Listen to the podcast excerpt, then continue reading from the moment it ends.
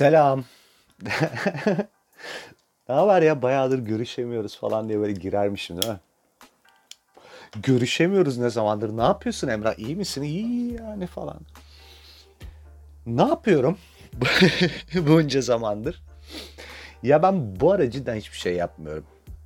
Ee, bana gelen onca mesaja e, cevaben niye gelmiyor yeni bölüm, ne oluyor falan ayrıca izah edeceğim ama gerçekten hiçbir şey yapmıyorum bu arada. Yani sabahta akşama kadar bomboş geçiriyorum günlerimi. Böyle bir takım tükenmeler mi yaşandı ne olduysa artık.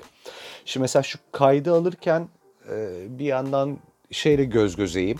E, karantinaya ilk girdiğimde aldığım dumbbelllarımla göz gözeyim. Öyle bakıyor bana. Bizi kullanmayacağın çok belliydi değil mi Emrah? Hani bu kararı verdiğinde sen de biliyordun değil mi bizi asla kullanmayacağını, kenarda böyle toz toplayacağımızı biliyordun değil mi diye bana bakıyorlar. Evet biliyordum ama insan e, göz göre göre bazen böyle şeyler yapıyor çünkü bir şekilde hayata tutunmamız lazım tamam mı? Yani sıçacağını bile bile yaptığımız bir sürü girişimimiz var. Tamamen biz o girişimlerin sıçacağını bir noktada öngörsek bile hani ona tutunarak hayatta kalıyoruz ya. Onun gibi bir şey dumbbell almak. Bundan bahsetmiştim zaten daha önce. E, dumbbell'larım bana bakıyor. Ben dumbbell'larıma bakıyorum. Çiçeklerim vardı evde. Onlar kurudular. Yani zaten kurusun diye saksının içerisinde duran çiçekler kurutup böyle bir aksesuar haline getirmeyi planlıyordum. Onlara bakıyorum bir yandan da. E, hayatım böyle gerçekten evdeki objelere bakarak ve e, objelerin de bana bakmasıyla ya da bana baktıklarını varsaymamla falan geçiyor. Hiçbir numara yok hayatımda. Ama toparlayacağım götü. Bu böyle olmaz tabii. Bu ne böyle? Yani berbat bir hayat formu bu.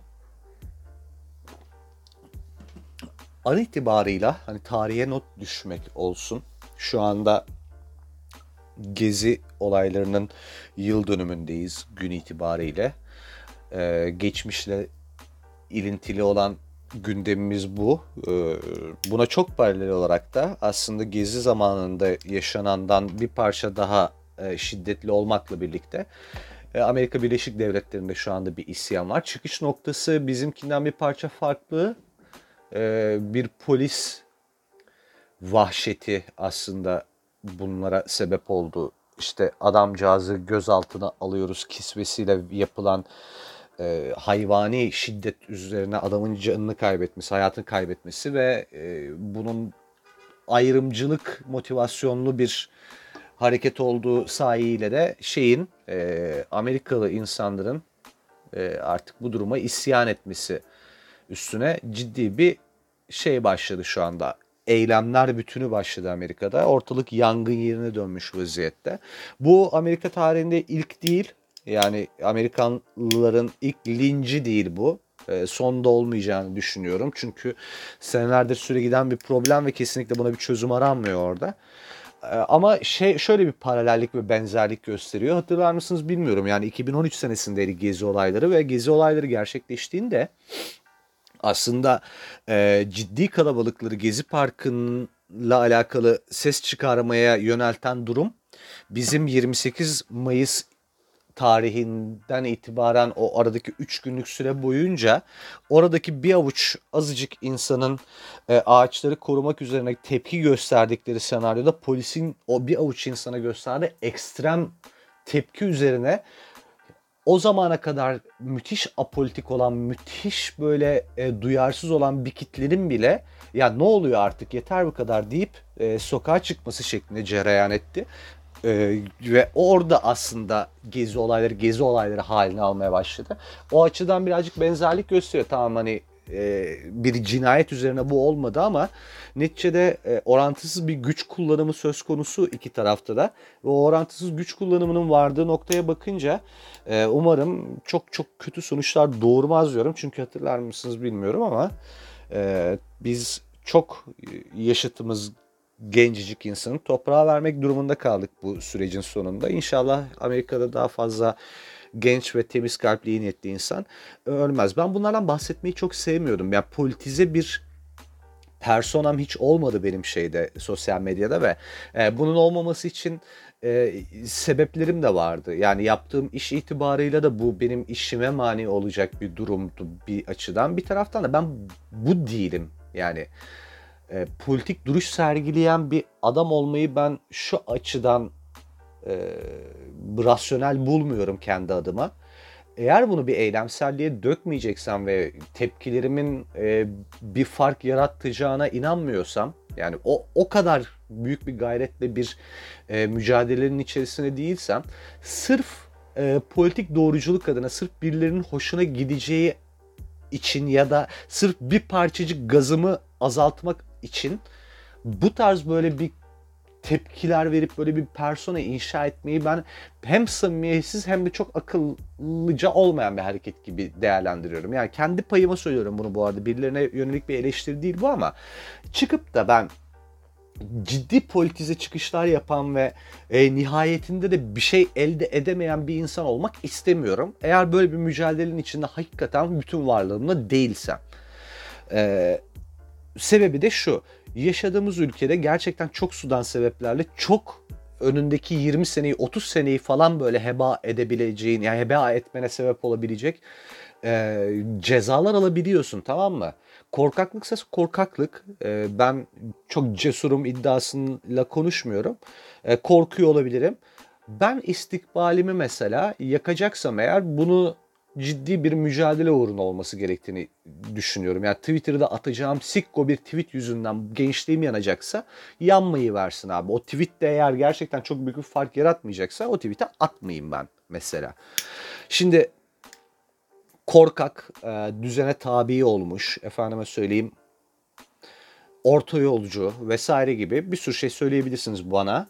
E, böyle bir tavır sergilediğim için işte oportunist vesaire. Hepsinin de içini dolduruyorum bu arada. Yani e, hiç boşluk bırakmaması hepsiyim eğer bu tanımlar buysa. Ama e, yapacak bir şey yok yani. Ben böyle yaşadım bu hayatı. Belki bundan 15 sene sonra bugünkü korkaklığımdan dolayı çok utanacağım ama bugün böyle. Ha şimdi mesela bugüne kadar geziyle alakalı hiçbir şey söylemiyorken şu an niye söylüyorum? Şu anda şunu fark ettim. Beni zaten o kadar çok sikleyen yok. ya kim sikine takar da bana dava mava açar. Biri o. İkincisi e, yani öyle ya böyle bir şekilde başımıza bir şey gelecekse geliyor. Yani korkunun necele faydası yoka döndü. Herhalde korona sürecinin benimle ilgili bana kazandırdığı en ciddi şeydir bu. Korkunun necele faydası yok şeyi. Şimdi bu süre zarfında işte hayatımızda dünyamızda bunlar olurken e, ne oldu? Bana bir sürü mesaj geldi tamam mı? Yani şaka yapmıyorum. Herhalde bin tane falan mesaj gelmiştir. Ki kendi kendime böyle kendimi gözden geçirme ihtiyacı duydum. Benim cidden bu kadar büyük bir kitlem var mıymış lan falan diye böyle bir sorgulamaya girdim. Çünkü e, ben zannediyordum ki işte insanlara beni paylaşın vesaire diyordum. Çünkü beni gerçekten dinleyen çok az insan var ve ben şeye de bakmıyordum. Analitik rakamlarına falan da doğru dürüst bakmıyordum ve e, birilerine ulaşmam gerektiğini düşünüyorum. Ben bayağı bir kitleye ulaşıyormuşum aslında zaten. Ve hani böyle bir debelenmeye gerek de yokmuş ki zaten yaparken çok rahatsız oluyordum. Çok utanıyordum ve kendi kendime de şey kararı almıştım. Paylaşın beni demeyeceğim artık yani. Paylaşmıyorsa da paylaşmaz ne yapalım. Yani zaten çok iyiyse yaptığın şey insanlar paylaşır falan diye kendi kendime kızmaya başlamıştım. Ama mesela şu çok garip. Gelen mesajlara bakıyorum. Yani e, inanılmaz güzel şeyler yazıyorlar. Yani mesela işte bu podcast bu, bu podcast abi kaçıncı podcast diyişim ve hala podcast demeye dilim dönmüyor. Bu podcastle hayata tutunuyorum diyen var. İşte hayatımdaki tek güzel şey bu podcast Emrah diyen var. Arkadaşım gibi olduğunu işte seni dinlemeden uyuyamıyorum diyen var. Bak hiç abartısız keşke bunların screenshotlarını almış olsam da paylaşsam. O kadar güzel mesajlar ki hepsini 5 kere dinliyorum Emrah diyen var falan. Abi süper tamam. Hani harika bir şey yani içerik üreticisi için bundan daha kıymetli hiçbir şey olamaz. Ama mesajları atanların hiçbiri mesela paylaşmamış bir benim podcast'imi. Hiç ama neredeyse. Yani bakıyorum paylaşmış paylaşmamış. Sadece kendisi için e, çok kıymetli bir şey olduğu varsayımıyla bana mesaj atıyor. Buradan şu sonucu çıkardım ben. Demek ki benim kitlem beni e, guilty pleasure olarak konumlandırmış. yani dinliyor ama mesela beni dinlemekten utanıyor bir yandan da paylaşırsa e, kepaze olacağını hissediyor falan. Podcast dünyasının böyle cankanıyım ben. Yurtsever kardeşleriyim podcast dünyasının. Yani herkes bir şekilde dinliyor ama sorsan kimse sevmiyor gibi bir durumum var benim. Ee, tamam süper yapacak bir şey yok. Tabii ki bununla ilgili şikayet edecek halim yok. kimseden bir kere zaten benim bu zevkini almaya hakkım yok. O beni öyle kodlamış. Hayatında ben öyle bir rol sahibiyim. Ee, gizli gizli dinleyin abi o zaman. Tamam okey. Umurumda değil yani paylaşıp paylaşmamanız. Bundan sonra tamamen bu kafayla ilerleyeceğim. Bunun üstüne çünkü çok düşündüm ben. Düşündüğüm ve vardığım sonuçlarla var. Onlardan da bahsedeceğim birazdan. Ama tabii ki tamamen böyle bir dert yanma şeklinde ilerlemeyecek bu. Buralardan sizin de kendinize bir şeyler devşirebileceğinizi düşünüyorum. Şeyler anlatmayı planlıyorum. Hatta şu an emin değilim ama belki bir tık daha normalde yaptıklarından uzun bir e, kusura bakmayın epeydir yayın yapmıyorum yayını olabilir bu süre zarfı anlamında. Neyse. Oh ne konuştum be. Yalnız bu iş böyle gerçekten idman yapmak falan gibiymiş. Yani idmanı kestiğin zaman hamlaşıyormuşsun onu fark ettim. Bir parça yoruldum ama daha henüz 10 dakika bile olmamış. Geçenlerde e, görmüşsünüzdür belki. Aşırı tatlı bir arkadaşım var Didem diye. E, onunla canlı yayın yaptık Instagram'da. Canlı yayının içeriği de şu abi. E, Didem'e canlı yayında kuymak nasıl yapılır onu öğretiyorum. nasıl yapılır onu öğretiyorum böyle. Yani niye canlı yayında değil mi mesela? Yani niye bunu canlı yayında yaptım? Asla bu planlamadığımız bir şeydi. Böyle sabah uyandık bir şey konuşuyoruz normal. Muhabbet ederken ben işte laf arasında şey dedim kahvaltıda işte kuymak yapacağım kendime yiyeceğim canım çekti falan dedim. Didem'in de canı çekti. Ee, peşinden böyle ben yapmayı bilmiyorum mu dedi. İşte yapıyorum güzel olmuyor mu falan bir şey dedi. İşte ben de şey dedim ben sana öğretirim ben çok güzel yapıyorum dedim. Ben sana püf noktalarını gösteririm dedim. Böyle video çekip atarım sana hatta falan derken o dedi ki canlı yayın yapalım dedi tamam mı? Ben şey gibi anladım ilk başta. Video call yapalım. Hani sen beni ara görüntülü olarak göstere göstere yap. Anlık olarak göreyim falan. Meğer ciddi ciddi canlı yapalım demiş. Daha önce de hiç canlı yayın yapmadım falan dedi. Yani ben de yapmadım falan diyorum böyle. Halbuki benim canlı yayın geçmişim de var yani. Yapmışlığım da var. Neyse abi ama işte bunu anlayınca hani bana canlı yayında kuymak yapalım seninle birlikte dediğini anlayınca böyle bir heyecanlandım, gerildim tamam mı? Abi şimdi çünkü şöyle bir durum var. Heyecan siktir. Niye ben binlerce insana kuyumak yapıyorum ki izleyen? yani heyecanlanmasan da yapmaman lazım bunu. Eğer Gordon Ramsay değilsen böyle bir tuvalete şey topa girmemen tuvalet ne lan? böyle bir topa girmemen lazım yani. yani tuvalet demiş ya mesela şöyle düşün. E, tuvalete girmişsin sen e, telefonun elinde kakanı yapacaksın. tamam mı? İki tane de story izleyeyim orada diyorsun. Bir açıyorsun. Lavuğun teki böyle karşında ben o lavuk kuymak yapıyor. Yani böyle düşünürsen mesela korkunç bir manzara. Sen orada sıçarken biri sana kuymak yapıyor karşında falan. Bunun olmaması gerekiyor. Şansı yaşıyoruz resmen. Yani bunu yaşayan insanlar oldu. Neyse abi. Bu böyle bir spontane gelişti ve yaptık bunu. Ee, benim açımdan da eğlenceliydi aslına bakarsan. Yani öyle ay ya niye böyle bir saçmalık yaptık demiyorum. Yani saçma sapan bir şekilde yarım saatlik bir canlı yayına aşırı şekilde güldük, eğlendik. Ya karşılık kuymak yaptık, Didem yapamadı falan. Hani ona bir daha baştan yaptırdık falan. Çok eğlenceliydi. Yani ben böyle ani hareketleri, böyle anlık hareketleri çok seviyorum. Yani zevk aldığım bir şeyler yapmak ya da e, bir şey yapınca eğlenmek, ya yani planlamadığım bir şey yapmak ve onu yaptığım için eğlenmek falan çok güzel bir şey ve bu podcast'te benim için böyle bir şeydi. Yani ani bir kararla e, bir parça. Yani daha önceden düşünüyordum evet podcast yapayım falan filan diye ama bir akşam gerçekten çok ani bir kararla yaptım. İlk yaptığım yayını mesela şimdi dinleyemiyorum bile e, kulağım varıp da. O kadar bence kötü bir yayında ama yapmam gerekiyordu bunu. Yaptım. Bir şekilde başlamak için bu gerekliliği yaptım. E, ve eğlendim de bunu yaptığım için. Sonrasında e, yenilerini yaptıkça daha da eğlendim falan. Ama şöyle bir şey oldu. Sonra niyeyse bu iş benim için bir görev gibi oldu. Yani podcast benim mutlaka yapmam gereken her iki akşamda bir en azından yeni bir bölümünü yapmam gereken bir işmiş gibi oldu ve bu böyleyken birdenbire vazifeye dönünce zevk almamaya başladım. Saçma sapan bir ayak bağı gibi falan hissetmeye başladım. Düşünüyorum ben kaç gündür. Herkes de soruyor işte neden yapmıyorsun diye falan. Ki ben ki ben de bilmiyordum neden yapmadığımı. Ee, aslına bakarsan buymuş birazcık da belki de sebebi. Yani sadece yapmam gerektiğini düşünüyorum ve öyle olunca da zul geliyor bana bunu yapmak. Ama tabii istikrar da önemli bir taraftan. İstikrar olmayınca çünkü yaptığın herhangi bir şeyde bu istikrarsızlık hali yani başlayıp başlayıp sonunu getirememe hali insanın gündelik hayatına bile yansıyor. Ya o sürdürülememezlik, sürdüremezlik neyi söyleyemedim lan dilim dönmedi. Nasıl söylenir bu? Sürdürülemezlik. Aa kelimenin doğrusunu bulamıyorum. Götümden uyduruyorum zaten kelimeyi. Öyle bir kelime olmayabilir. Yani bu senin hayatına bir mutsuzluk olarak yansıyor ama yani bir şeye başlamak ve asla sonunu getirmeme hali diyelim buna. Bir mutsuzluk olarak yansıyor senin hayatına bir şey o her neyse onu düzenli ve istikrarlı şekilde sürdürmediğinde amaçsızlaşıyorsun sanki. Geçenlerde ben bir arkadaşımla sohbet ederken çok böyle e, mutsuzluğundan dem vuran bir arkadaşımdı. Ve ona bunu söyledim. Hayatındaki amacın ne? Bak ben ben bir parça felsefeyle ilgiliyim tamam mı? Ve kendi felsefesini de başka felsefelerden beslenerek, onlardan faydalanarak inşa etmeye çalışan bir insanım ki ben felsefenin zaten bireysel olduğunu düşünüyorum. Yani bireyin kendi felsefesine başka düşünüş e, disiplinlerinden beslenerek üretmesi gerektiğini, bunun bir jimnastik olduğunu düşünüyorum. Benim kendi felsefemle alakalı bir durum bu. Ona da bunu söyledim. Dedim ki yani hayatındaki amacın ne?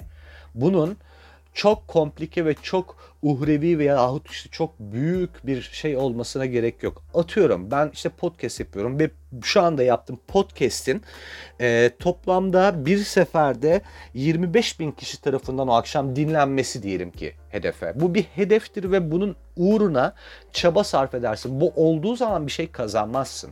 Yani bu oldu diye sen e, A noktasından B noktasına gitmezsin. Hala aynı yerdesindir ama hayatı yaşayışınla alakalı sana şöyle bir şey kazandırır. Bu hayat e, sıfır noktası itibarıyla hayatta kalmak adınaki ihtiyaçlarını giderdikten bir sonrasında senden e, bir şey bekliyor, bir aksiyon bekliyor. O aksiyonun ihtiyaçlar hiyerarşisindeki temel ihtiyaçların birazcık dışında olması gerekiyor. Yani manevi bir tatmin olması gerekiyor işin içerisinde. Bu manevi tatminin ne olduğu e, birazcık seninle alakalı bir durum. Yani bu manevi tatmin maddi bir başarıyla da gelebilir. Yani çok büyük bir para kazanmak eşittir maddiyat Tamam ama o maddiyattan ziyade işte o maddiyata elde ettiğinde yaşayacağın manevi tatmin de senin hedefin olabilir. Ama gün sonunda mutlaka seni manen tatmin edecek bir hedefinin olması gerekiyor bu hayatta. İşte bunun olmadığı noktada işte o her neyse o onun olmadığı noktada amaçsızlaşıyorsun ve her gün bir öncekinin aynısı boşlukta oluyor ve bu boşluk da e, doldurulamaz ve giderilemez bir mutsuzluk yaratıyor senin için. Şimdi e, Bauman'ın kısa bir videosu var şeyde. Zygmunt Bauman e, önemli bir çağımız felsefecisi, filozofu. Felsefeci yanlış laf oldu. E, Göte'den alıntıyla mutlulukla alakalı şöyle bir şey söylüyor. E, mutlu bir hayat yaşadım mı? E, Göte'nin lafı bu. Evet. E, ama mutlu olduğum bir haftayı sorarsanız onu gösteremem size diyor. Çünkü mutluluk aslında bir parça aslında. İşte bu hedefleri kovalarken e, yaşadığın tatmin, o hedefe ulaşabilmen ve bu süreler boyunca da işte hasta olmaman, aç kalmaman, başına işte katastrofik bir felaket gelmiyor olması vesaire. Aslına bakarsan çünkü süre giden ve kalıcı bir mutluluk e, hiç batmayan bir güneş gibi rahatsız edici bir durum. Yani böyle bir felsefe var orada. Hiç batmayan bir güneş aslında çok büyük bir kabustur. Düşünsenize sürekli bir aydınlığa maruz kalıyorsun. Artık mahvolursun yani. Bir, bir parça aslında karanlığa da ihtiyacımız var ya o işte gidişlere gelişlere o dualist duruma. E, bunun gibi bir şeyden bahsediyor. Şimdi benim için de podcast'i yapıyor ve birileri tarafından dinleniyor olmak aslında böyle bir mutluluğa tekabül ediyordu. Ee, yani bir şey elde etmek derdine değildim ama bir şey e, iç, yani iç dünyamda bir şey tatmin oluyordu. Sonra iş vazifeye dönmeye başladı. Vazifeye döndüğü noktadaysa ben mutsuz olmaya başladım. Çünkü e, ortada böyle bir görev yokken ben kendi kendime bir görev atfetmiş oldum ve bu görevin peşine koşarken de kendimi yorup yıprattığımı fark ettim. e, neden bu kadar zamandır işte gelmedi yeni bölüm sorusunun cevabı bir parçada burada yatıyor işte. Yani evet yeni bölüm gelmedi çünkü ben yeni bölümü daha önceki bölümleri yaparken ki motivasyonla yapamayacağımı fark ettim. Şimdi bize ne bunlardan Emrah diyebilirsiniz. Bize niye işte şu anda podcast yapmamış yapmamış olmamanı ee, niye konuşamıyorum lan ben işte konuşmaya konuşmaya unuttuk. Bize niye podcast yapmamış olmanı bu kadar uzun uzun anlatıyorsunuz diyebilirsiniz ama e, benim e, bu işi yapıyorken ki aslında içerik anlamındaki motivasyonumla çok örtüşüyor. Ben e, yazarak e, anlatmaya üşendim ya yazarken doğru şekilde ifade edemeyeceğimi fark edip yazmaktan vazgeçtim şeyleri söylemek üzerine bu işi yapmaya başlamıştım aslında. Kimseyi güldürmek, çok komik olmak falan gibi bir e, çıkış noktam yoktu. Ama bir taraftan da bir şeylere derman olan, belli dertlere derman olan adam da e, rolünü üstlenmeyeceksin bak aman sakın bu tribe de girme sonra kendini bisikim zannedip e, insanların hayatlarına dair böyle ahkamlar kesersin ve itici bir dünyanın parçası olursun. Bunu da yapma diye kendime telkinde bulunuyordum. Gün sonunda bu ikisinin ortası birazcık komik ama birazcık da birbirine fayda sağlayan bir e, içerik üreticisi haline geldim. Ve üretemiyor olmamın sebebini izah ederken hala aslında benden bir parça ilham devşirmek niyetiyle beni dinleyen birilerine bir şeyler söylemiş olmayı e, amaçladım. Bence yaptığım izah da aslında bu anlamda bir fayda sağlıyordur dinley dinleyen birilerine. Ha yok fayda sağlayamadıysam ve bomboş konuştuysam sorry not sorry kusura bakmayın. E, ne yapalım? Yani bu da benim podcast'im. Bir sonrakini dinlemeyi verirsiniz eğer kafanıza yatmadıysa. Hikayenin bu kısmı benim açımdan böyle. Şimdi Ay ne konuştum be. Öf benimle birlikte işte karşılıklı oturup da birazcık bir şeyler içmek isteyen falan insanlar oluyor bazen. İşte senle nasıl içebiliriz reis? İşte seninle karşılıklı bir bira içmek istiyorum falan. Birincisi bu sorunun cevabı şu yani Kadıköy'e gelirsiniz içersiniz. Ben her akşam gidiyorum bir yerlerde içiyorum. Korona olmasaydı beni tık diye görürdünüz. İkincisi benimle ilgili böyle bir konumlandırması var bazı insanların. Hani erişilmez birisiymişim gibi falan. Yani çok hoşuma gidiyor bir yandan. Hani o nasıl yarattım bilmiyorum ama öyle bir algı yaratmışım. Bir taraftan komiğime gidiyor olan yani sokakta ne haber desem muhabbet edersin beni büyütmeyin o kadar gözünüzde saçma sapan bir insanım. Ee, ama şeye bakıyorum mesela benim yakın çevremde olup da benim bu muhabbetime maruz kalan çok insan var mesela. Onların hiçbiri benim podcast'imi dinlemiyor çünkü benim her içtiğimiz masada bu muhabbetimi milyonuncu kez çektikleri için artık onlar illallah etmiş vaziyetteler. Ama şeyi fark ediyorum ki benim bu gündelik rutinimi işte podcast'e taşımış olmam e, ve hiç tanımayan bir kitlede acayip güzel bir karşılık bulmuşken yakından beni tanıyan birileri için de of Emrah yeniden kafa sikiyor şu anda ve bu sefer kitlesel bir şekilde kitlesel bir şekilde kafa sikiyor falan diye böyle tribe giriyorlar anlar. Çok komik bir aslında arada kalmışlığım var. Bir yandan size konuşurken bir yandan bir tarafım Emrah şu an kafa sikiyorsun falan falan diye. Halbuki ama bunu birilerinin açıp dinliyor olmasının birinci sebebi benim zaten şu anda bunu yapıyor olmam. Çok acayip.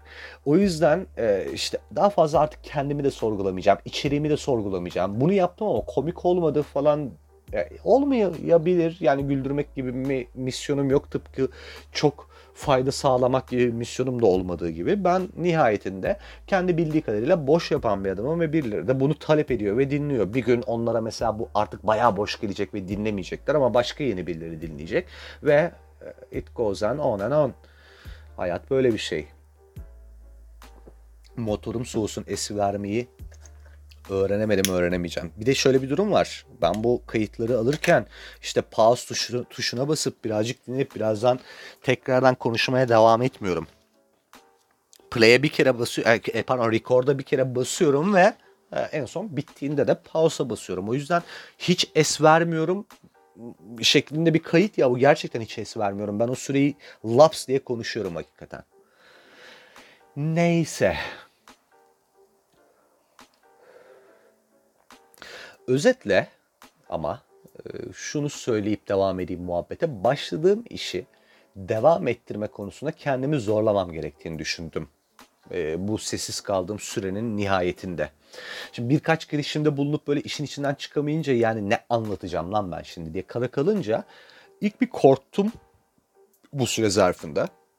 Ulan hakikaten anlatamıyorum galiba. Bittim mi tükendim yani bir doygunluk noktam vardı ve oraya mı vardım dedim. Sonra şeyi fark ettim. Ben ne iş yaptığımı bir düşündüm. Ben metin yazarıyım. Özetin özeti. Yani reklamcıyım evet de işte hani o reklamcının da bir sürü dalları kolları bilmem neleri var ya. Benim çıkış noktam işin yani reklamcılığın amelesi olduğum kısmı öyle söyleyeyim. Metin yazarlığı ve metin yazarı olarak kendi kendime kazandırdığım ilk yeti, ilk öğrendiğim şey ve benim için metin yazmanın birinci kuralı ben şeyde de bunu anlatırım. Ee, bundan bahsetmeyi çok sevmiyorum ama metin yazarlığıyla alakalı işte talep üzerine böyle ufak gruplara ben şey veriyorum bazen. Yani küçük bir workshop diyelim hani eğitim demek çok iddialı olacak. Onda da ilk söylediğim şey mesela bu. Ee, birinci kural gibi bir şey benim için. Yazmak istiyorsun mesela diyelim ki ama yazacak bir şey bulamıyorsun. Ya da işte bir konun var ama o konuyla ilgili söyleyecek bir şey bulamıyorsun. Bu en e, sık rastlanan sıkıntı ve engeldir. O zaman yapman gereken şey şudur. Yazmak isteyip yazacak bir şey bulamamak üzerine yazmaya başla. Yani anda kal. O anki problemin ne yazmak istiyorsun ve yazamıyorsun. Tıpkı benim şeydeki gibi işte podcast çekmek, kaydetmek istiyorsun. işte yayınlamak istiyorsun ama ne söyleyeceğini bilmiyorsun. O zaman şunu yap abi. Podcast kaydetmek isteyip e, kaydedememek üzerine konuşmaya başla. O şunu getiriyor. E, bu hal üzerine, bu andaki durum üzerine yapacağın tarama, e, işte yazacağın, söyleyeceğin şeyler sana teşhis koyma fırsatı veriyor. Yani kendi kendini bu sorgulayış esnasında teşhisini koyuyorsun ve e, bu teşhis üzerine laf üretme, içerik üretme fırsatı buluyorsun ve artık daha da güzeli konuşacak bir konu sahibi oluyorsun, yazacak bir konu sahibi oluyorsun metin yazanında olduğu gibi. İşte bu teşhisle ve e, sahiplendiğin yeni konuyla birlikte artık insanların dinlerken ya da okurken neyse işte bir yere bağlayacağı ve kendine bir fayda devşireceği bir e, kerteriz noktan oluyor ve oraya doğru emin adımlarla ilerleyip içeriğini inşa, ed- inşa ediyorsun. Podcast böyle oldu. Şimdi ben de işte anlatacak çok şeyim olması ama anlatacak gayreti ya da arzuyu bulamamaktan muzdarip olup tam olarak bunu anlatmaya başlayarak e, bir, bir, bir program kaydetmeye başladım. Bakın nerelere geldi. Felsefe, felsefe falan anlattım işte ondan sonra. Yayın yaptık demiştim ya az önce. kuymak tarifi verdiğim canlı yayında Instagram'da kuymak tarifi vermiş ilk insan olabilirim. Kuymak tarifi verdim. İşte, işte geçen konuşurken işte o yayını yaptığım arkadaşımla şöyle bir diyalog yaşadık. E, ait olmak kavramı üzerine.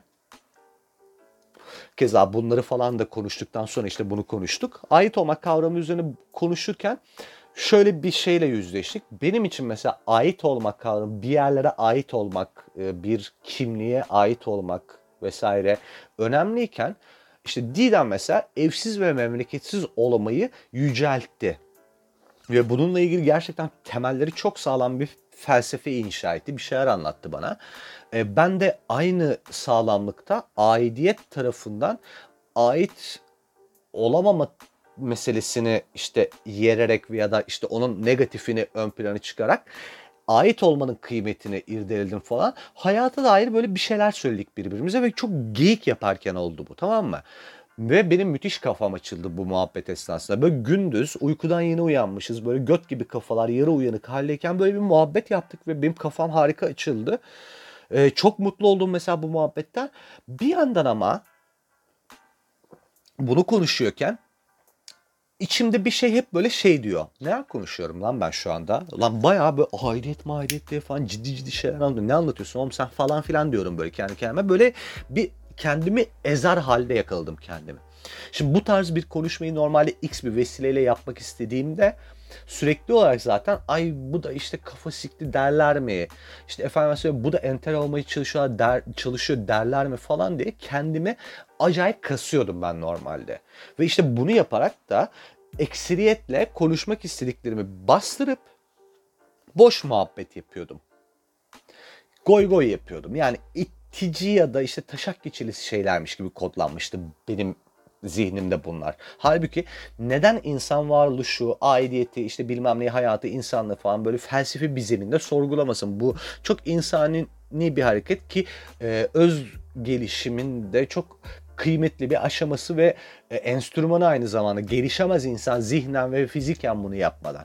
Ama illa için, işin içine bir böyle taşak geçme, hafife alma falan sokuşturuyordum ben. Yani bu bunu yapmak zorunda mıyım halbuki? Ya felsefe yapma demesinler diye. Ulan felsefe yapmak ayıp bir şey değil ki. Yani resmen deliliğe vurdum kendimi. Full e, aman birileri şöyle böyle beni kategorize etmesin diye. Ulan öyle iş mi olur yani?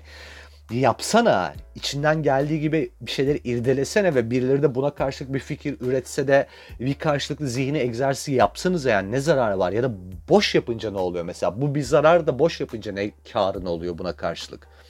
Ya burada biraz da böyle yaranmacı bir tutum var. Bunu şey gibi düşünmeyin. Sadece felsefi bir mesele gibi düşünmeyin. Yani ciddiyetle yaptığımız her konuşmayı e, işte terörize eden, bunu böyle e, hafife alan bunu alay eden birileri çıkıyor ve bunların bu işte ayarsızca alay etmelerine maruz kalmamak adına e, sarkastik bir kimliğe bürünebiliyoruz ya arkadaş gruplarımızın içerisinde. Bir parça bunu irdelemeye çalışıyorum şu anda aslında. Niye bunu yapıyoruz? Yani niye böyle bir kabul görmek mecburiyetindeyiz biz bir, o grup tarafından?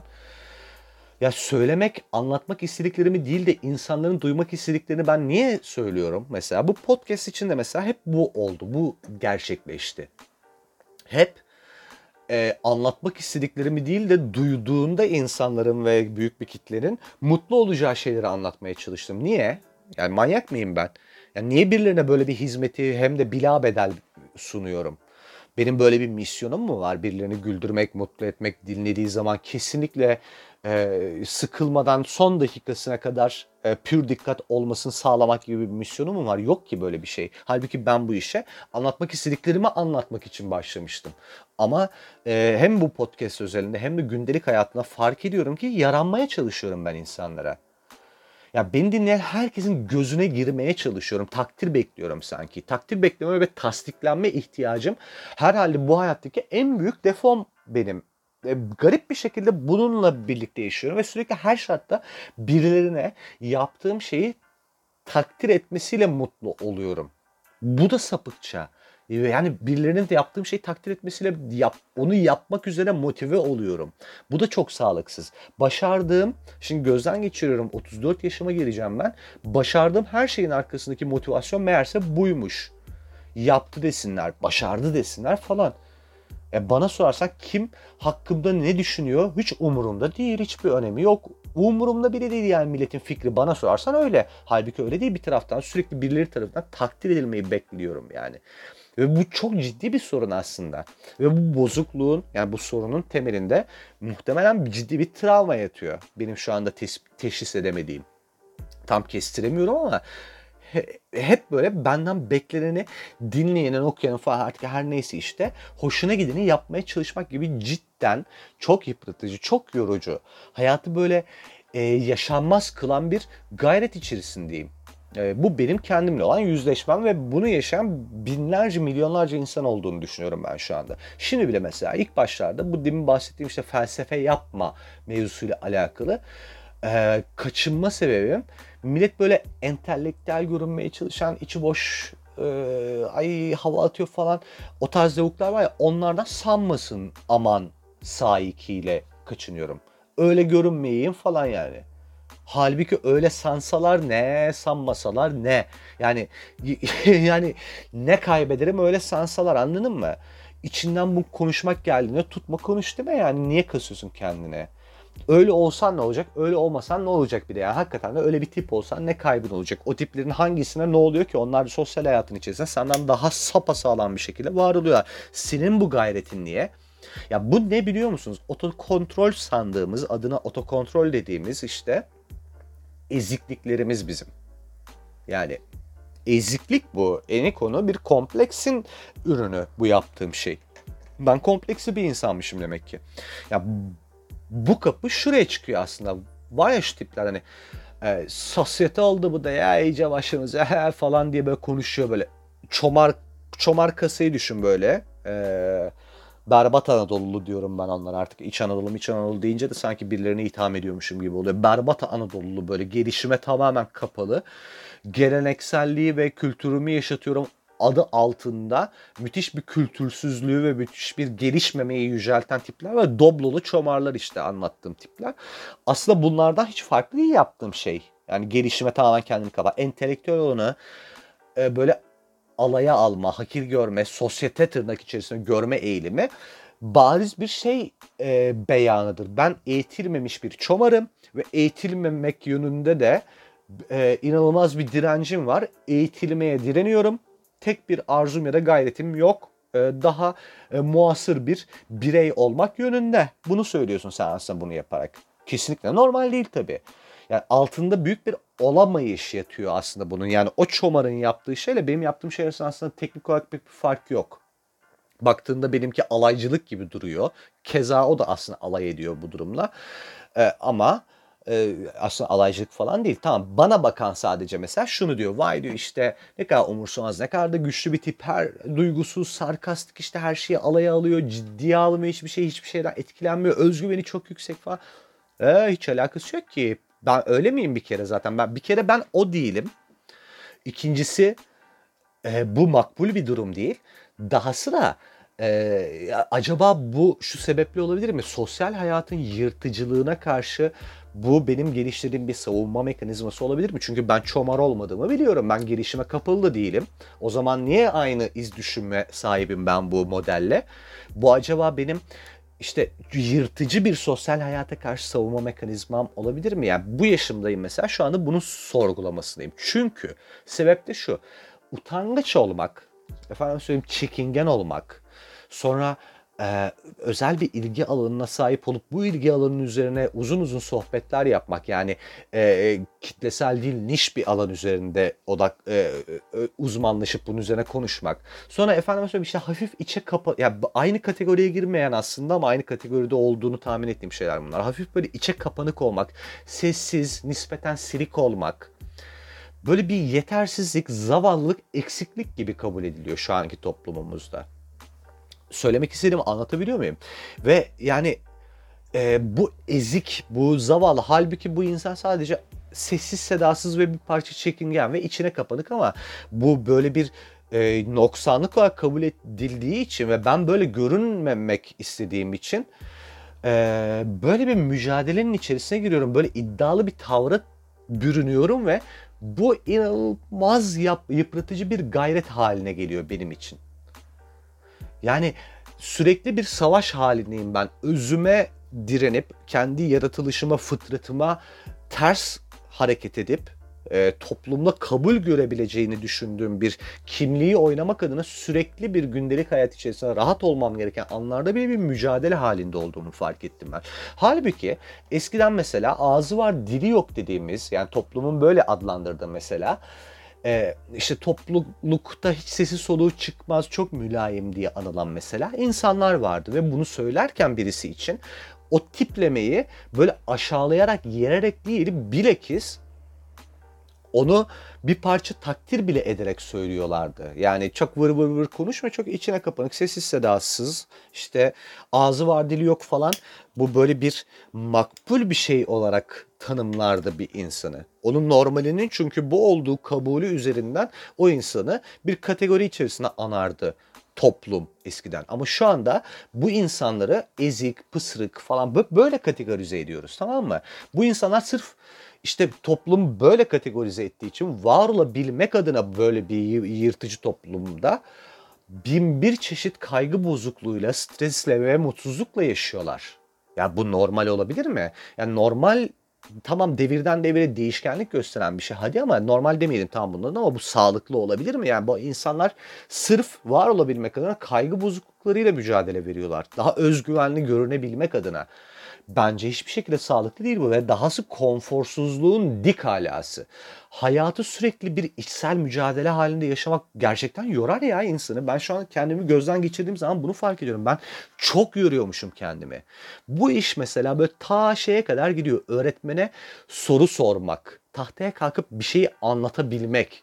Şimdi bazı insan bilse de anlatamaz ya mesela hani kalkıp da tahtaya. Yani o yani bilmemek bir kere zaten ayıp değil de hadi tamam bilmemek ayıp olduğunu varsayayım zaten biliyor. Tamam asli vazifesini yerine getirmiş ama çıkıp da bunu iz, ifade edemediği için mesela yeriliyor, yok sayılıyor ya da noksan sayılıyor. Halbuki ne alakası var? Bu çok zor bir şeydir bir topluluğun karşısında konuşmak ama bizim eğitim sistemimiz bize diyor ki çıkacaksın, konuşacaksın, anlatacaksın, öğretmene çatır çatır sorular soracaksın, o debate'in içerisine gireceksin yani o münazaranın bir parçası olacaksın diye dayatıyor ve bunu makbul olarak sunuyor ama bunu yapamayabiliyor bir insan.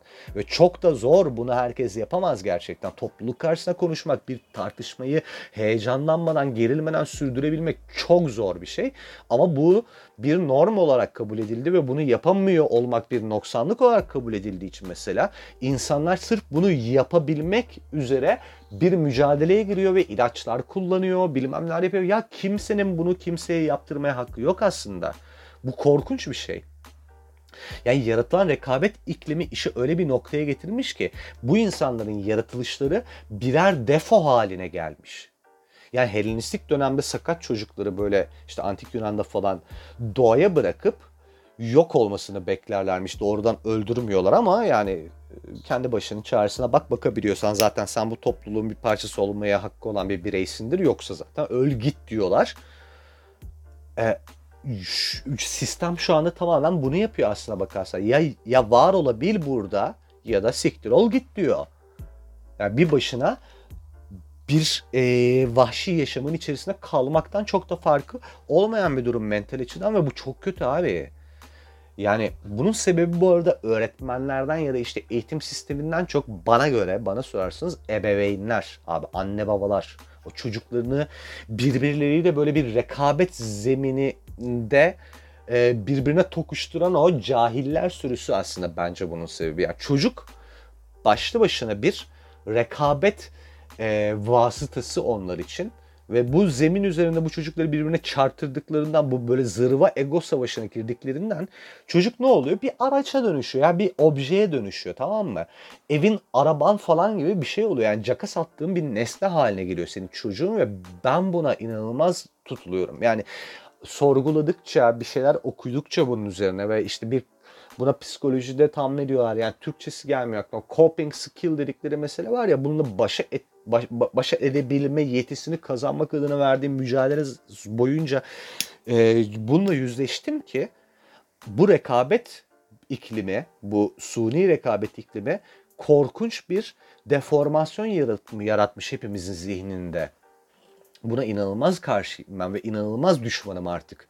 Katıksız bir cehaletin ve kibir ve küstahlık tam beslenen bir olamayışın birleşimi bir e, şey bu. E, defect yani bir, bir, bir, bir sorun bu şu anda yaşadığımız şey. Kendine kutsiyet atfediyor ya bu lavuklar bir de. Anneyiz, babayız ve kutsalız tribi var ya bunların.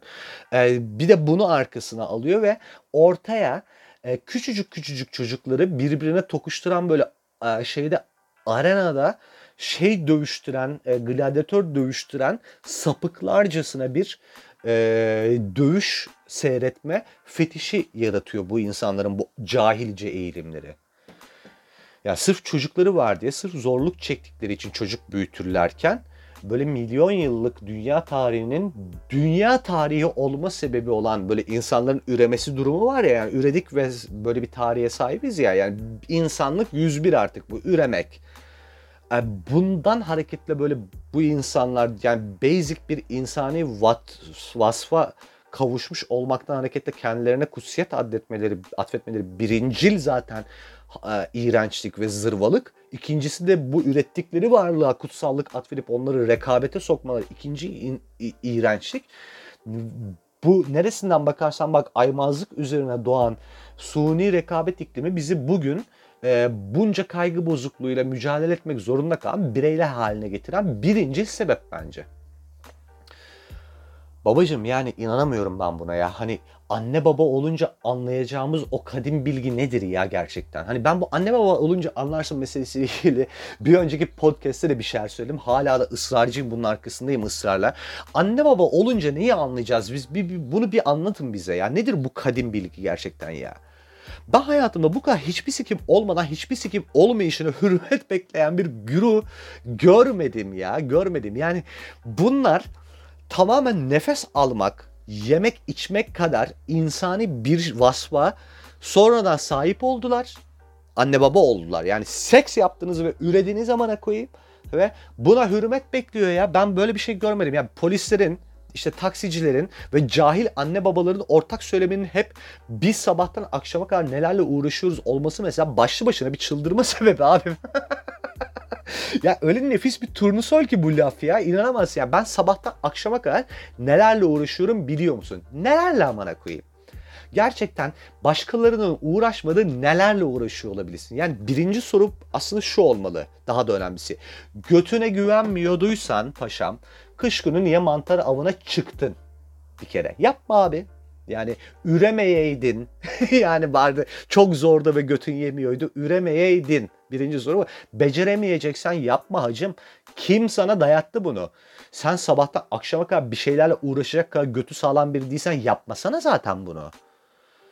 Ha bir kere zaten dünyada başka ya bir şeylerle tek uğraşan sen değilsin. Şovun kime? Hepimiz sanki götü fındık kırıyor. Evde yattık, uyuyoruz ve birileri bize paralarımızı veriyor, yemeklerimizi veriyor. Biz sadece tepemizde böyle kocaman yaprakları yelleyerek bizi serin tutan zencilerle birlikte bir lord hayatı yaşıyoruz da bir sen uğraşıyormuşsun gibi bir durum yaratıyorsun ortaya ki öyle bir şey yok.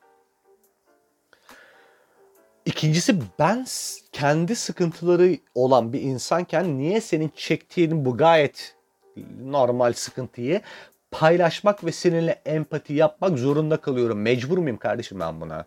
Beceremiyorsan yapmayacaksın. Bu kadar basit abi. Tamam hani polisin, taksicinin bilmem kimin geri dönüşü çok kolay olmayabilir. Şey geri dönüşü kolayken senin annelikten babalıktan dönüşün çok kolay olmayabilir. Okey de. Ama artık bu yarağın altına affedersin girdiysen bunu da üstesinden geleceksin. Kusura bakma ben bunun ceremesini çekemem lan. Ya klasik abi şey geyiği vardı ya polislerin klasikleşmiş mesela e, duygu sömürüsü. Bayramlarda bile çalışıyoruz. Siz tatil yaparken biz görevimizin başındayız. E amına korum yerinde sen bu işi hayrına mı yapıyorsun? Bir, hadi onu geçtim de. Sana sürpriz mi oldu dayı? Hani bu iş sana sürpriz mi oldu? Yani sen bu mesleğe başlamadan evvel, bu mesleği tercih etmeden evvel bunu bilmiyor muydun? Yani gece gece nöbet ilk defa sen gece nöbet yazdıklarında mı haberin oldu senin bundan? Buna ilk defa o zaman mı şaşırdın? Yo yani sen bu işin böyle bir iş olduğunu daha girmeden önce biliyordun. Ya sen şunu hayal edebiliyor musun? Berber mesela gelip sana şey diyor mu? Sabahtan akşama kadar ben bitlisi, temizi, yağlısı, kurusu kaç çeşit tane saç kesiyorum. Kaç tane sakal kesiyorum. Ayaktayım bütün gün belim ağrıyor bana hürmet, hürmet et diyor mu? E amcık sen ne bekliyorsun yani? Böyle bir şey olabilir mi? Bütün saçlar sırma saç mı olacaktı? Pezevenk demez miyiz biz bu berbere? Hani yattığın yerden mi kesecektin sen o işi? Ne istiyordun ki? Ne istiyordun da olmadı demez miyiz? Deriz değil mi? Ağzına sıçarız. Ya bu işin tabiatıyla alakalı bir şey ya bu hani. Ve sen bu işin tabiatıyla alakalı isyan ediyorsun ya şu anda bana. Bana ne oğlum? Sen bana lütfetmiyorsun ki. Sen bunu bir lütuf olarak benim önüme soramazsın. Sen bu işi zaten bunu bilerek, isteyerek üstlendin. Ya beni çıldırtma yani. Anladın mı? Hani ben buna çok tutuluyorum. Ben buna çok çıldırıyorum. Yani bu mesela asla benim hürmet göstermeyeceğim, saygı göstermeyeceğim bir şey. Sen bir public servantsın, sen bir e, hizmetlisin, kamu hizmetçisisin sen. Bunun karşısında maaş alıyorsun. Afran tafran kim amana koyayım yani yapmayaydın bu işi ve hala bırakmak için çok geç değil. Bırak başka bir iş yapma adam bu kadar memnun değilsin. Bana tafra yapamazsın. Ya bir kere öyle mesela dolmuşçuyla kavga ettim ben. Hani bu polisi anlıyorum yine canıyla uğraşıyor. Bu bir iple neyle uğraşıyor mesela? Dolmuşçu, taksicin. Bu neyle uğraşıyor? Taksim Kadıköy'de olmuşundayım abi. Adam ona atarlanıyor, buna atarlanıyor. Herkes mesela millet kibarca bir şey soruyor, ters ters cevaplar veriyor falan. En son artık dayanamadım dedim ki dayı senin derdin ne amına koyayım ya? Hepimizi atar gider. Ya bir sıkıntın varsa anlat dinleyelim amına koyayım. Ne ters diyorsun bize? Aa bir başladı anlatmaya. Abi işte boş gittim geçen gün dolu gelmedim bilmem ne oldu. Mazot parası çıkmadı falan. Geçen bir bayan geldi para üstü iste. Ya yarram bizden ne istiyorsun bizden? Biz ne yaptık sana?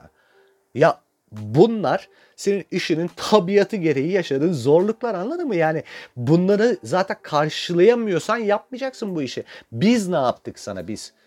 Bana niye bunu ceremesini çektiriyorsun?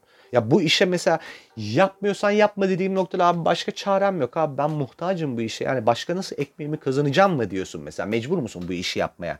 Başka vasfım mı yok şu anda mesela bu işi yapmaktan başka? O zaman yarram ağlama ya ağlama siktir git işini yap. Siktir git işini yap yani. Sen mühendistin de diplomanı elinden aldık da şoför mü yaptık seni sikik. İşini yapacaksın o zaman ağlamayacaksın yani. Bak yemin ediyorum hiç abartı anlatıyorum buna. Bir mağazaya girdim geçenlerde böyle alışveriş yapacağım. Elbise katlıyor bir tanesi kenarda. Tamam tezgahtar mı artık neyse onun vasfı adına ne diyorlarsa. Tezgahtara dedim ki kolay gelsin. Bak bir gram yalan ya da mübalağa yok. Kolay gelsin dedim ki valla kolaysa başına gelsin ya hiç kolay değil dedi. Amına kodum zoruna gidiyorsa yapma. Piç sanki tıp okuyordun da senin kafana vurup okuldan aldım ben döndürdüm tezgaha verdim ben.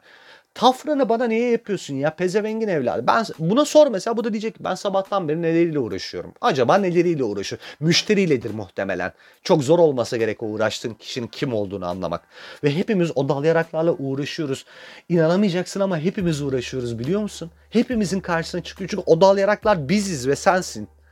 Ve hepimiz buna uğraşıyoruz ya. Sakin olun ve işinize bu kadar kutsiyet addetmeyin. Çıldırıyorum, çıldırıyorum. Taksiciler, şoförler, bilmem onlar bunlar beni çıldırtıyor yani. Ve şimdi mesela bu, bu bunlar mesela meslek grupları tamam mı? Bunların böyle geri dönüşü var hadi. Ee, bir de mesela geri dönüşü olmayanlar var. Ya bunu mesela bu şey için anlatıyorum. Bunlar tamamen senin tercihin olan şeyler ya hani işte bu işleri yapmak ve anne baba olmak da keza senin tercihin ya.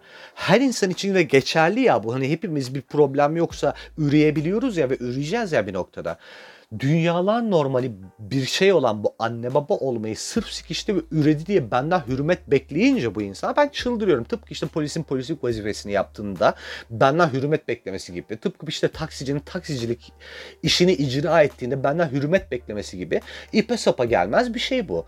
Ya bu beyinsiz ebeveynler işte çocuklarını bir marifet, bir özellik gibi gördüğü için bu özellikleri üzerinden birbirleri rekabete giriyor abi. Ortaya abuk bir durum çıkıyor abi. Yani çocuğunun özgüvenli, girişken işte böyle aynı anda hem tenis oynayıp hem iki dil öğrenip hem piyano çalıp aynı zamanda da matematiğe müthiş kafasının basmasını beklemek gibi bir eziyetler bütünü. Tamam mı? Bunların yaşadığı, yap, dayattığı şey. Yani lan şunu nasıl beklersin bir çocuktan? Tarihte var 5 kişi bunu yapabilen. Böyle Leonardo da Vinci falan yani bu hasletlere aynı anda sahip olan insan. Bu kadar multitasking olan insan. Ya böyle bir multitasking'i altından kalkmasını beklediğin şey el kadar bebe Tamam mı? Bunca misyonu yüklediğin şey el kadar bebe ve sen buna bunca misyonu yüklersen sadece kendi evladın değil bu yarışta şartlandırdığın herkesi sıkıntıya sokuyorsun ki sen bunu yaparak. Ya bu çocuğun arkadaşları da perişan oluyor bu yüzden. Anladın mı söylemek istediğim şeyi? Yani bak şimdi bütün bunları niye anlattım biliyor musun bu arada? Şimdi e, kendi durumumu gözden geçirirken işte ta en başta bahsettiğim işte o neden podcast yapmaya başlamıştım, neden yapamıyorum, o bu falan filan bütün bu süreçlerin sonunda işte kendimi gözden geçirirken ben bunun üstüne çok düşündüm ben mesela. E, kendimden örnek ile o yüzden devam etmeyi planlıyorum bu konuyla ilgili. Mesela hayatımın bir dönemi ben bu bahsettiğim dönem çocukluğum benim. Şöyle geçti. Benim babam öğretmen tamam mı? Benim babam böyle e, öğretmenlik yılları işte 90'larda başlıyor. 80'in sonu 90'larda falan başlıyor. Ve biz böyle Anadolu'nun e, böyle feleğin siktir ettiği köşelerinde falan yaşadık uzun dönem tamam mı? Böyle hani şeyi hatırlıyor musunuz? Vizontele filminde şey muhabbeti vardı ya buraya gazete bile iki gün sonra gelir. Sizin unuttuğunuz haberlere biz şaşırıyoruz. Daha yeni şaşırıyoruz falan. Muhabbeti vardı ya. Mesela bizim yaşadığımız köylerden birine mesela gazete falan zaten hiç gelmiyordu. hiç yoktu o. Köyün mesela bakkalı falan filan yoktu. Hiç öyle bir imkan imkan yok. İnanılmaz bir köy. Ee, işte ekmeği gidip haftalık olarak ilçeye gidip haftalık olarak alıyorduk. Yani bir haftalık ekmek alıyorduk. İşte birinci gün taze ekmek yiyorsun. Dört gün kalan dört gün böyle bayat ekmek yiyorsun. Beşinci gün artık böyle küflü kısımları kesilmiş, buharda nemlendirilip yumuşatılmış ekmek falan yiyorduk. Yani bahsettiğim yıllar bu arada 90'lar öyle 60'lar 70'ler falan da değil. Ee, sefalet seviyesi bu level. Anladın mı? Bu kadar berbat bir hayattan bahsediyorum. Böyle bir yerlerde yaşamak durumunda kalma ve bu ta, bir taraftan da böyle PKK'nın haftada 5-10 öğretmen öldürdüğü falan yıllar bir de onlar aynı zamanda bir taraftan da korkarak da yaşıyoruz falan. Neyse böyle memleketlerde işte hem bu tehditler hem bu imkansızlıklar vesairenin bir arada olduğu zamanlarda öğretmen pek el üstünde tutuluyordu. Yani uzaylı muamelesi görüyordu bir kere zaten her şeyden evvel. Ee, hem birçok Anadolu şehrinde devlete hürmeten e, böyle bir muamele görüyordu. Hem de dışarıdan biri ya hani e, işte kıymetli o insanlar için anladın mı? Yani bu bahsettiğim insanları şöyle bir şey hayal edin. Çoğu aynı 2 kilometre karelik alanı hiç terk etmeden bir ömür geçirmiş insanlar bu bahsettiklerim tamam mı? Yani yeni biri, yeni bir insan çok özel bir şey onlar için. Yani şöyle düşünün yaşadıkları yerin ilçesine gitmek çok büyük olay bu insanlar için. Ve şehir merkezine ise hiç gitmemiş olan belki %70'i %80'i falan var yaşadıkları köyde o insanların. Ve böyle bir yere mesela bir öğretmen geldiği zaman dışarıdan halk artık bu öğretmen bu neymiş amına koyayım vay sizin vicdanını sikeyim deyip böyle arkasına bakmak kaçmasın diye de belki bir, birazcık hani bunun da etkisi olabilir. E, birazcık da ama cidden şeyden dolayı yani dışarıdan gelmiş birisi yeni birisi olmasından da dolayı okumuş donanımlı bir olmasından da dolayı cidden aşırı bir teveccüh gösteriyor tamam mı? El üstünde tutuyor. Böyle yediğin önünde yemediğin arkanda bir durum yaşıyorsun sen oralarda. Ve ağzından çıkan söz, öğretmenin ağzından çıkan söz ve Allah kelamı gibi kutsal falan. İşte hal böyle olunca ben bir öğretmen çocuğu olarak haliyle Lord muamelesinden nasibimi aldım tamam mı? Şunun için anlattım bunu. Bu vesileyle ben epey bir zaman abi sosyal hayatın içerisinde kendime yer edinmek için çaba sarf etmem gerektiğini hiç öğrenmeden belli bir yaşa geldim.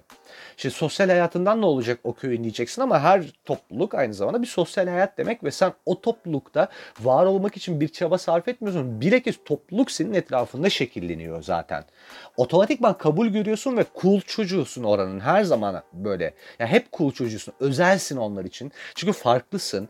Anladın mı? Hani şeyi hatırlayın hepimiz yaşamışızdır bunu. Yani yaz tatillerinde mesela mahalleye Almancı çocuklar geliyordu ya işte 10 günlüğüne 15 günlüğüne. Onlar mesela inanılmaz cool oluyordu bizden ya ve onları onlar bir özellik katıyorlardı mahalleye. Ben oydum. Sonra abi ama bunun ama hayatının normali olduğunu düşün. Hep hayatı böyle yaşadığını düşün. Böyle bir hayat yaşayarak güzel bir yaşa kadar geldim ben. Sonra abi babamın tayini çıktı bir gün. Ya babamın tayini çıktı yanlış bir laf oldu. Babamın tayini büyük bir şehre çıktı bir gün. Ve ben abi sudan çıkmış balığa döndüm. Yani birdenbire o lord muamelesini alıyorlar elinden ve o zamana kadar senin akranların her birinin çalıştırdığı o işte toplumsal e, yapının içerisinde var olmak üzerine ihtiyaç duyduğu kasların hiçbirini çalıştırmamışsın o ana kadar ve birdenbire bir mücadelenin içine öyle bir düşüyorsun ki çok geriden başlamışsın mücadeleye. Kendini kendimi böyle kabul ettirmekte, arkadaş edinmekte, kendimi ezdirmeden hayatta kalmakta falan inanılmaz ciddi sıkıntılar çektim tamam mı o dönem? İnanılmaz ciddi sıkıntılar çektim yani. Ya o çektiğim sıkıntılar öyle bir raddedeydi ki benim 12-13 yaşında böyle strese bağlı mide hastalıklarım falan vardı. Yani inanılmaz kaygı bozukluklarım vardı böyle ileri düzeyde ve en acısını söylüyorum size. Bunların ciddi sorunlar olduğunu kestirebilecek kadar e, ne biz ne ailem ne toplum donanımlı değildi. Yani bizim zamanımızda böyle şeyler çok ciddiye alınmıyordu anladın mı?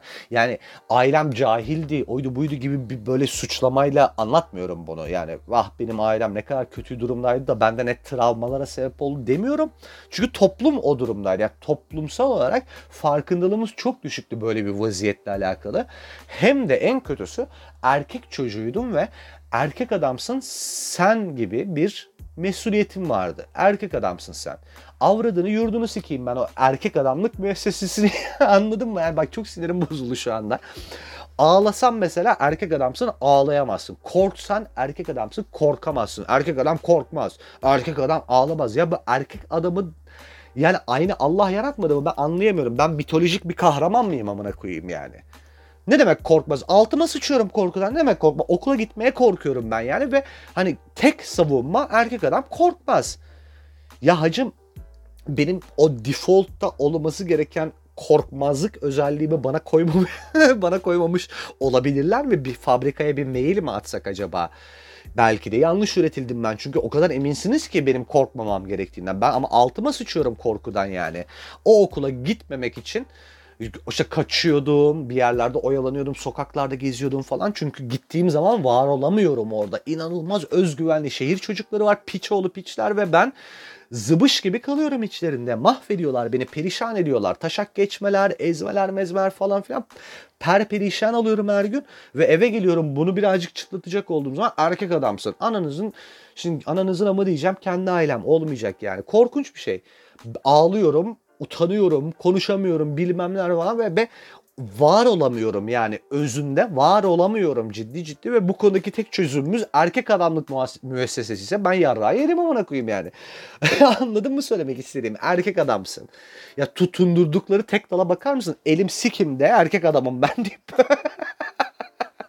böyle bir çare bir ilaç duruyorum böyle. Abi kabus kabus ya. Hani bir kabusun içerisine doğdum. Ben böyle ortaokul, lise zamanları falan. Bir büyük bir kabusun içerisinde buldum kendimi ve e, şimdi ben benim bu sürecim epey uzun ve sancılı. E, ama özetle mesela bütün bu örselenmelerim işte yıpranmalarım mental, mental anlamdaki yıpranmalarımın neticesinde işte yapım itibarıyla mesela yine yaratılışım kurtarıyor beni. Hırslıyım işte kabul görmeyi, ezilmeyi, kabul görmemeyi işte böyle ezilmeyi falan böyle asla yediremiyorum kendime. O anlamda bir mücadeleci tarafım var diye şans eseri. Ee, böyle bir de şu da vardı ya hani iktidarım vardı Anadolu'nun ücra köşelerinde o hissiyatı tatmıştım bir kere artık böyle ve kaybetmek çok üzüyordu koyuyordu. Geri kazanmam gerektiği için falan kendimi o veya bu şekilde kabul ettirdim. Ee, gerekli çabayı sarf ettim ve kabul ettirdim. Kişisel gelişimdi bu da bir manada ve kişisel geliştim ben. Ama yani ben ne kazandım evet bu önümüzde de ben bunu kazanırken ne kaybettim? İşte şu yaşlarımda çıkıyor o kaybettiklerim ortaya. Yani sürekli mesela takdir beklemelerimin altında yatan sebeplerden muhtemelen büyük bir kısmı bu. Hatırlarsanız bir e, oluşuma ben kendimi ispat etme gayreti içerisinde ciddi bir mücadele vermiştim ve şu anda bende kalan bu defo podcast yaparken insanların beğeneceği o beni dinleyenler e, güruhunun kabul edeceği, onların hoşuna gidecek şeyi anlatmaya çalışma sebebim işte o o yaşlarda girdiğim mücadele ve o mücadeleyi kazanmak üzere kullandığım yöntem olarak karşıma çıkıyor şu anda. Anladınız mı söylemek istediğimi? Yani gözlemlerim, inceledim, izledim, kişisel geliştim bu anlamda belki kendi kendimin terapisti oldum, yaşam koçu oldum, o oldum, bu oldum. Bir şekilde toparladım götü, kabul de gördüm, beğenildim de, sevildim de. Ama işte aması e, bir tarafları onarır ve e, toplumsal anlamda karşılık görür hale getirirken bir tarafları da ciddi anlamda sakatladım aslına bakarsan. Ee, başka tarafı ciddi anlamda bozmuşuz. Şu anda görüyorum ki bu olmuş. Bugün mesela benim özgüvenim, hırçın ve saldırgan e, tavırlarım yani özgüven dediğimiz aslında adına ama hırçın ve saldırgan olan o tavırlar sürekli bir mücadele ya da rekabet halindeymişim gibi hayatı yaşayış biçimim ortada aslında böyle bir rekabet yokken işte bu e, aslında travmanın bana kazandırdığı şey. Evet bir zamanlar hayatta kalmamı sağladı ama şu anda bana aslında bir parça ayak bağı ve zulüm. Hala ortada hiçbir rekabet yokken ben bir mücadeledeymişim gibi çaba sarf ediyorum. Ne gereği var? İçinden geldiği gibi devam et. Aslında senin adın Emrah Kabba ve Emrah Kabba ismini Google'a yazdıkları zaman iyi kötü bir şeyler çıkıyor tamam mı? İyi kötü sen toplumda bir yer edinmişsin. Fena da sayılmaz edindiğin yer. Aslında artık sikin taşağına denk takılabilirsin kibirlerine kendini beğendirmek zorunda değilsin ama öyle olmuyor işte. sevdiğim insanlarla bile rekabette olduğum sanrısıyla son derece konforsuz, yoran ve mutsuz bir benlik inşa etmişim ben bu zamana kadar. Sağlam mı? Bakarsan sağlam. Ayakta mı? Evet. Evet. Hayatta kalabiliyor mu? Sosyal hayatın içerisinde var olabiliyor mu? Maşallahı var yani o konuda tamam mı? Hayvan gibi var oluyor. Bedeli ne peki bunun? İşte bedeli o demin saydıklarım. Sürekli yorgunluk, sürekli bir yaranmaya çalışma hali, sürekli bir şey böyle e, hırçınca, agresifçe e, tepki gösterme hali. Şey olamıyorum, mülayim olamıyorum ben, sakin olamıyorum. Miş gibi yapabiliyorum ama o olamıyorum. İçimde bir fırtına kopuyor benim. Şimdi e, zannımca bir saati geçmişizdir. Saate hiç bakmıyorum ama bu böyle bir hem e, işte e, yeni denediğim bir şey olacak benim adıma podcast anlamında. Hem de bir, bir, bir parça işte bu kadar zamandır üretmediğim içeriği, içeriği e, telafi bölümü olsun bu. Bayağı uzun oldu ama e, ne şeye dönmemiz lazım bir yandan yani işte size yaranmak zorunda hissettiğim için kendime siz ne fayda sağlayacaksınız buradan? Bence bana sorarsanız zaten bu satır aralarında herkes bir şeylerle alakalı bir belli başlı aydınlanmalar yaşamıştır büyük ihtimalle ama e, sizden ricam şu olacak benim bu mücadeleleri vermiş, bu mücadeleler sonun e, boyunca çok ciddi sıkıntılar yaşamış, bir şekilde ayakta kalmayı becermiş ama defolarla yani başka taraflarını sakatlayarak ayakta kalmış biri olarak sizden şöyle bir ricam olacak. Kendinize ve etrafınızdakilere birazcık artık bu gözle bakmaya çalışın.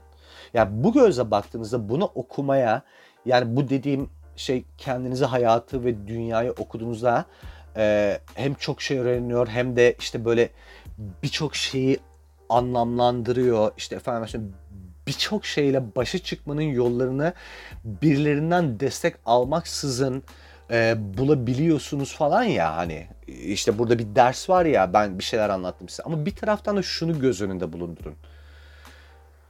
Ee, birileri daha e, şu anda bu mücadelenin içerisinde yahut zamanında bu mücadeleyi verdiği için e, bugün tanıdığınız insan halinde bütün bu varoluşuna rağmen bir taraftan bununla tezat oluşturan size batan hal ve hareketlerini görüyorsunuz ya sevdiğiniz insanların, eşinizin, dostunuzun ve bazen kendinizin de adını koyamadığınız problemleriniz var ya birazcık bu gözle bakmaya çalışın meseleye.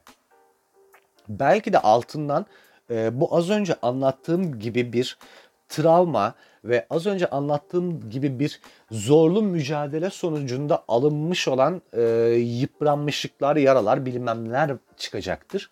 İnsanları bu perspektifte değerlendirmeye başladığınızda karşınızdakiyle olan diyaloğunuzu çok daha konforlu ve kaliteli hale getirebilirsiniz. Çok sevdiğiniz ama bazı haline ve hareketine tahammül edemediğiniz o insanın belki de işte o hal ve hareketlerine sebep olan başka başka olamayışlıklarını keşfedeceksiniz ve o insanı kaybetmek yerine e, o insanı o travmalarıyla yüzleştirip belki o insanı hayatınızda daha kabul edilebilir bir e, birey olarak barındırabileceksiniz bunu yaptığınızda. Çünkü ben şu yaşımda bu yüzleşmeyi bunca okuma ve kendini gözden geçirmeye rağmen ancak ancak e, bulabiliyorsam birçok insan için eminim ki bu çok zor bir şeydi.